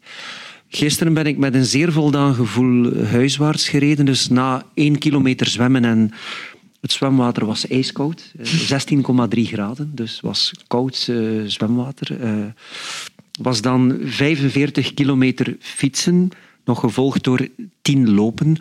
En ik had 36,3 gemiddeld gefietst en zo van plaats 110 naar plaats 55 kunnen opschuiven om dan onmiddellijk weer twintig plaatsen in het lopen te verliezen. dat, is de dat is de tragiek van mijn sportleven. Uh, uh, gelopen dan 11,5 per uur. Maar variatie van sporten, niet alleen fietsen, geeft toch ook wel verademing. Want toen we een week of vier geleden hoorden, oeps, monstertijdrit in Almere gaat niet door. Ja. Als je dan sprint of kwartriathlon, heb je nog redelijk vlug een alternatief. Ja. Om je competitiedrift wat te kunnen botvieren. De monstertijdrit is eigenlijk een uh, tijdrit in Nederland, in Almere, van 138 kilometer. En uh, is men, de afstand is natuurlijk heel lang, um, maar het is ook mentaal heel zwaar, omdat je eigenlijk viermaal dezelfde rechthoek doet. Dus het is eigenlijk uh, gewoon, ja... En ging je dat meedoen? Ik heb de monstertijd... Eigenlijk is dat mijn favoriete wedstrijd. Oké. Okay. En die is niet doorgegaan? Omwille van? Ja, de organisatie had wat problemen met de tijdsmeting. Um, en uh, praktisch was het moeilijk, dus ik hoop dat volgend jaar terug. Ja, maar je hebt geen ambitie? Ik, ik heb al zeven keer deelgenomen aan de okay, monstertijdrit ook, ook. Want ik ken dus Speybroek Philippe, ken ik met een Belgisch vlagje van zo top drie of top vijf van die waanzinnige gemiddeld. Dus ik, ik had daar vorig jaar, dus als gewone sterveling, ik was vierde laatste, maar tien renners, had, merkte ik s'avonds, hadden een DNF. Did not finish, dus ik voel, voelde me veertiende laatste. om, om, om mijn moraal op peil te houden en de winter in te gaan. Ik had 36,29 over die 137,6 kilometer. Maar wat ik dan thuis deed s'avonds, het is geen hogere wetenschap en ik zeg altijd aan mijn masterproefstudenten, doe dit niet thuis. Ik heb dan via de regel van drie geëxtrapoleerd van hoeveelste zou ik nu geëindigd zijn in de toertijdrit van 1947. Oh. Tussen Raymond en Panis ja, en Brambilla. afstand. Ja, voilà. En? en ik was van de vijfde naar de tweede plaats opgeschoven. Dus maar Ray, de, de Ray Raymond in Panis was nog altijd twee minuutjes vlugger. Uh, het bakkertje van Berg. Ja, voilà. Ja. En um, nee, want uh, Philippe vindt dat fascinerend. Ik denk dat jij daar net geen 46 kilometer per ja. uur haalde. 2020, ja. En er is oh, daar ook zo'n Remco Grasman, dat is ja. ook zo de naam al, uh, die ook zo fenomenaal gemiddelde zo, haalde. Ik kan daar niet bij als recreant. Dus dat je dus over zo'n afstand, 45, 46... Mm. En ik was heel blij dat José de Kouwer zei, ik snap dat ook niet, die hoge gemiddelde. dus moest jij José de Kouwer ontmoeten, Filip zou die zeggen van, man, hoe doe jij dat? 46 gemiddeld, ja. chapeau. Heb jij die al meegedaan? Nee, Almere. maar ik kwam, ik kwam eigenlijk dit jaar eigenlijk... Het stond op jouw wishlist, uh, Ja, absoluut. absoluut. En was je er klaar voor? Was je er klaar voor? Dat is misschien iets minder, ja. Okay. Ja, dat klopt, ja. Want eigenlijk, de, de oproep is maar last minute. Hè. Soms drie, vier weken op voorhand gaan de inschrijvingen open en dan moet je kiezen, ik doe het of ik doe het niet. Ja, ik heb gecheckt, maar, maar ik kon geen inschrijvingslink... Er was geen communicatie. ik, heb, ik heb ook gemaild, maar ze hebben mij niet geantwoord. Dus als ik het goed begrijp, als het volgend jaar doorgaat, dan uh, is dat een nieuw doel voor jullie alle drie. Ja, voor mij zou het de eerste keer zijn, voor die man is dat uh, Misschien peanuts, moet maar solidair zijn en meegaan. zou bij mij onder voorbehoud zijn, nee. ik ah, weet ja. dat niet. Je moet eigenlijk weken op... Maar bijvoorbeeld dit jaar heb ik eigenlijk slechts 6000 kilometer op de teller, wat dan nog niet zo heel veel is. Dan wil ik op korte tijd... Die laatste vijf weken zijn dan wel cruciaal. Mm -hmm. En vorig jaar had ik eigenlijk een uitstekende voorbereiding op mijn laag niveau, waar ik toen heel tevreden mee was. En, en toen nu het bericht kwam, het gaat niet door, goh, dan keek ik naar mijn agenda en dacht ik, god, ik heb zo'n dubbel gevoel. Maar ik dacht, goh, de druk die wegvalt, uh, geeft me ook geen slecht ja. gevoel. Decompressie. Ja. Nog een vraag voor we stilletjes aan gaan afronden. Je spreekt over vijf weken. Is dat voldoende om, om nog een laatste goede prikkel te geven aan zo'n zware tijdrit? Ja, het hangt ervan af hoe dat, uh, hoe, hoe dat je niveau is, voor, net voor die vijf weken. Um, je kan niet in vijf weken een, een volledige winteropbouw van drie, vier maanden uh, inhalen. Dat is onmogelijk. Dan is Wat het kan beetje... je dan wel doen in vijf weken? Um, goh, ja, conditie fine-tunen en specifiek voorbereiden. In, uh, het hangt er een beetje van af. Als je niveau op dat moment behoorlijk, behoorlijk is en je bent een beetje vermoeid, kan je daarvan herstellen. En dan moet je echt uh, in die vijf weken... Rond je drempel gaan fietsen dan? Of? Ja, de monstertijdrit doe je niet rond de lactaatrempel. Dat doe je er wel een stuk onder, omdat je over een inspanning van meerdere uren spreekt. Um, maar um, ik denk in die vijf weken, het is altijd cruciaal om dan zoveel mogelijk te gaan fietsen aan de intensiteit dat je eigenlijk denkt daar te kunnen halen. Simulatie doen. Ja, ja dat is inderdaad heel belangrijk. Dat probeer ik zelf ook altijd te doen. Dat zo eind augustus uh, begint die tijdrittraining wat langer te worden. En dan heb ik zo'n parcours van met mij in Brugge, dat ik dan eigenlijk tot in Terneuzen uh, en terug, dat is zo'n kleine 120 kilometer. En ook mentaal heel zwaar, omdat je vanuit um, Sluis uh, tot in Terneuzen is eigenlijk bijna altijd, is het maar één stuk naar rechts, een soort ventweg langs de autostrade en dat je eigenlijk echt altijd rechtdoor. Um, en dat is een mentale voorbereiding ideaal voor Nochtans, de we hebben het er al in de podcast ook eens over gehad, hè, dat, dat er uh, gewoon te weinig trainingsdomeinen en wegen hebben om goed te kunnen In België is dat echt een probleem. Ja. Ik had vorig jaar, Filip, in aanloop naar dus die vijf weken, heb ik nog vier keer een Temse, Terneuzen Temse. uh, Jullie en, kunnen en elkaar dus, dus schoon tegemoet Temse, rijden, jongens. Doel, Walsoorden, um, richting Terneuzen en terug. En is zo ja, ongeveer 150 kilometer. Maar... Uh, durf mijn gemiddelde niet zeggen. Dat, zal, ja. ja. dat is dan maar 2,33 gemiddeld, maar op training dan. Allee, je komt dan toch met een goed gevoel thuis. Ja, maar je moet toch heel veel uit de beugels hè, als je gaat uh, trainen in Vlaanderen. Om... Ja. Ik moet eerst ten noorden van de expressweg. Als ik in Vraasne ben, kilometer 12, kom ik de vrijheid tegemoet en de ik heb het daarin um, het geluk van relatief dicht bij het kanaal Brugge-Oostende te wonen. Dus dat, dat, dat is wel een voordeel. Maar goed, ja, het blijft wel blijft wel gevaarlijk, want je gaat snelheden rijden van 40, 45 per uur. Soms, allee, op training, uh, laten we zeggen tussen 35 en 45. Ja, maar als de wind, nee, 45 als de wind ja, in de rug. Um, en, en ja, ik moet zeggen, uh, als de tegenleggers, ik heb meestal de neiging om één hand uit die beugel, want toch, als er iets gebeurt en je zit in die beugels, die kan niet remmen, dan... Uh, ik heb het ook voor gehad, een paar weken voordat ik naar Mexico vertrok, dat ik niet met tegenleggers, maar wel een, in een schaduwplek een eh, wortel onder het asfalt en eh, uit de beugels en eh, over mijn stuur. Dus gelukkig zonder al te veel erg. Was schaafwonden en zo, maar het, het is vlug gebeurd. En het, ja, het verhaal van ehm, Ber- Egan Bernal is misschien extreem. Ehm, ik zou niet in een groep gaan fietsen met tijdritfiets als de rest met de wegfiets rijdt. Zeker niet in België. Of toch niet in Vlaanderen doen. Maar langs het kanaal kan het nog ergens wel. En dat is ook de reden waarom dat wij dan eigenlijk richting Nederland of toch eh, in die regio gaan. Dat is ook waarschijnlijk de reden omdat er in Nederland ook een van de redenen veel meer tijdritten georganiseerd kunnen worden. Ja. Bijvoorbeeld de kwartriathlon van Hengstdijk. Allee, de, de Vlaamse organisatie wijkt uit naar Zeeland. Brogo, ja. Brogo, voilà.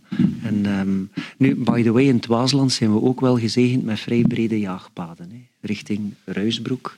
Allen naar het Waasland. Dit is de promo voor Alex Segaert en voor het Waasland. Eh, en te weinig over uw boek, Wim. We hebben eigenlijk te weinig over de boek gehad. Enorm, maar het was wel boeiend. Hè? Ja, absoluut. Mag Ja. ik nog de titels van het boek meegeven? dus het boek vorig jaar eh, eh, gepubliceerd heette Koers Zaken. En dan eh, via het Alex Seegaard verhaal onder andere, maar ook het WK dat naar Vlaanderen kwam, herfsteditie Paris-Roubaix, vrouwenwielrennen, jeugdwielrennen, eh, heeft als titel Koers Dromen. Is net voor de zomer gepubliceerd. En doet het ons dromen van koersen? Ik denk het wel. Oké. Ehm, we hebben geen boek, maar wel een verhaaltje nog te vertellen. Hè? Maar het gaat Voor, over eh, Saint-Raphaël, die ook partner is van, eh, van deze podcast. En ja, dan, eigenlijk had ik eh eigenlijk Jo de Roo had ik in gedachten. Jo de Roo, dus de zeeuw, Ja. die nog altijd leeft, een van de oudst, oudste Nederlandse wielrenners. Eh, en die heeft ja, binnenkort is de Ronde van Lombardije, het laatste monument, heeft twee keer de Ronde van Lombardije gewonnen, onder andere ook in zijn Saint-Raphaël-trui natuurlijk. En de eerste keer dat toen ook de, de muur van Sormano is opgenomen. Ja. Die supersteile twee kilometer lange klim, ik kan me niet voorstellen in die tijd met die versnellingen van toen natuurlijk. Maar als we het dan toch over Saint-Raphaël hebben, heel kort, dan moet je toch over Jacques Anquetil aan tijdrijden. Ja. Dan moet je het echt wel over Jacques Anquetil. Dus ik hoor dat Gilbert de Smet hem even, ook eens heeft geklopt. Ja. Eh, ga ik nog even opzoeken eh, wanneer en wat dat, wanneer dat, dat was. Eh, maar Jacques Anquetil heeft praktisch, is, is eigenlijk monsieur chrono, heeft praktisch geen enkele, geen enkele tijdrit eh, verloren in zijn carrière. Misschien dan Gilbert de Smet en één keertje tegen Ercole Baldini. Maar eh, voor de rest was Jacques Anquetil misschien het prototype van de tijdrijder in die tijd. En toen ondertussen is er veel veranderd. Hè. Ja, en in het handboek Sportmarketing is Saint-Raphaël ook wel meer dan een voetnoot waard. hè. Toen de extra sportieve merken, alcoholmerken op kop, naar het peloton kwamen, was er nog die spagaat van landenteams en, en merken die niets met fietsen of eh, wielrennen te maken hebben, laten we dit wel toe. En, en toen was ook het verhaal van hé, Saint-Raphaël is ook wel een stad en, enzovoort. Het was een stuk ja, omzeiling, maar ik vond het een hele mooie rebranding van het merk. Vorig jaar in het VIP-dorp in Leuven, Ja. met het WK wielrennen, heb ik het, eh het Blitse aperitiefmerkje leren kennen. Ik vond dat een heel mooi voorbeeld van zo sportmarketing 2.0 en terug weer via het wielrennen en fietsen eh, zich presenteren. Ben je al aan een nieuw boek aan het denken? Wel, met die cases zo in sportmarketing, dat is dan meer zo voor de handboeken. Ehm, die cases probeer ik wel op de voet te volgen. Hè. Dus eh, Oké. Het is toch de meest boeiende sport hebben. Ik vind dat wielrennen is een verhalensport. Zeker weten. Eh, in tegenstelling tot arenasporten, alhoewel, zo'n werelduurrecord breken is wel binnen een arena dat dit gebeurt. Hè. Ja. Maar hij nodigt ons uit hè, bij zijn volgende Ja, poging. maar het is eh, een verhaal. Hè. Is, eh, Maar naar Mexico, jong, kom, doe dan maar een keer een grensje. hoeveel, hoeveel jaar nog tot in de, Roubaix. hoeveel jaar nog tot de volgende leeftijdscategorie? Wel, ehm, een kleine anekdote daar rond. Dus, ehm, ik, ehm, een uur na mijn kort had ik gebeld met mijn vrouw. En ehm, ze zei van, ja, het eerste wat iedereen bij ons thuis zei van... Als er 50 is, dan gaat hij nog een keer. ja. Dus ja, misschien Het zit niet anders op, hè? Mag ik nog één anekdote meegeven? Ik heb in triathlon, dus met de agegroupers, eh ik kon mij plaatsen voor het WK in Lausanne. En dat was een sprint- en kwartriathlon. En soms, ja, als 58er stelt u de vraag van, ja, hoeveel jaar kan ik zo nog genieten van sport en wat competitie doen? Wellicht niet meer zoveel jaren voor de teller. En eh, Maar dan zag ik de age groups, uh, Filip, voor de werelduurrecords. En tot, tot, tot bij de hoogbejaarden, denk ik, uh, wordt... 70, 80 plus zeker ook. En ik zag dus in Lausanne Japanners in de reeks 80, 50. Ah ja, ja, ja, tuurlijk. En ik dacht, oké, we mogen de moed niet verliezen. Maar hoe zit dat bij jou, Filip? Heb jij zo een cut-off dat je zegt, van, tot, tot die leeftijd doe ik op dit niveau competitie... Of ga je ook je verslaving wat blijven koesteren? Ik, uh, ik heb daar eigenlijk nog niet echt over nagedacht. maar zoals, zoals dat ik het nu aanvoel... Um, ja, denk ik wel. Allez, tenzij dat er natuurlijk daar iemand... Uh, je moet ook realistisch zijn. Ja. als er plots iemand van 51 jaar 53 kilometer rijdt, dan weet ik ook, dat gaat niet lukken. Okay. Dus je moet ergens wel een beetje realistisch zijn. Um, maar het is eigenlijk fantastisch. Allee, we hebben, ik heb daar een Amerikaans koppel leren kennen. En die, die dame die heeft het uurrecord gebroken in de categorie 70, 74. Amai. En, um, maar je had toch ook die Fransman, die, die mascotte ja, van Dardo, Ardèchoise, ja. het werelduurrecord bij de 100 plus. Die heeft dan onder de twee, ja, denk was ik. 100 en ook een onder de zes. Ja, die heeft een keer 26 en een keer 22 kilometer of zo. Ik denk dat, beter, dat dat beter was dan Jan Faber. Want die heeft dus 24 per uur op een piste, allee, als zo postmodern artistiek experiment. Maar Ja. ik had die anekdote niet mogen geven. Maar, maar als je die ranglijst bekijkt van de best men's performances ehm, en die kijkt de leeftijdscategorieën, is er dan zo'n hiaat, denk ik, van 85 tot 100 en dan komt Robert Marchand. Dat is echt zoiets. Ja, ja. Eh, daar ligt een, eh, een gat in de markt. te rijden. Hè. in de markt. Een gat om dicht te rijden, Wim. Goed, we gaan toch afronden. Hè, Ja, ja, want, want het is- oei, het is- eh, We zijn over tijd zeker? Ja, ja, Het, is langer Voor geweest dan nog een uh, luistert. werelduurrecordpoging. maar goed, ik stel voor dat we tegen volgende zomer goed geprepareerd eh, afspreken met elkaar. En eh, een pannenkoekje gaan eten in Terneuzen. En Wim en ik zullen een stuk vroeger vertrekken dan, eh, dan jullie twee. Dat is een goede deal. Voilà. Goed idee. Dank je wel, heren. Alsjeblieft. Graag gedaan. Alsjeblieft.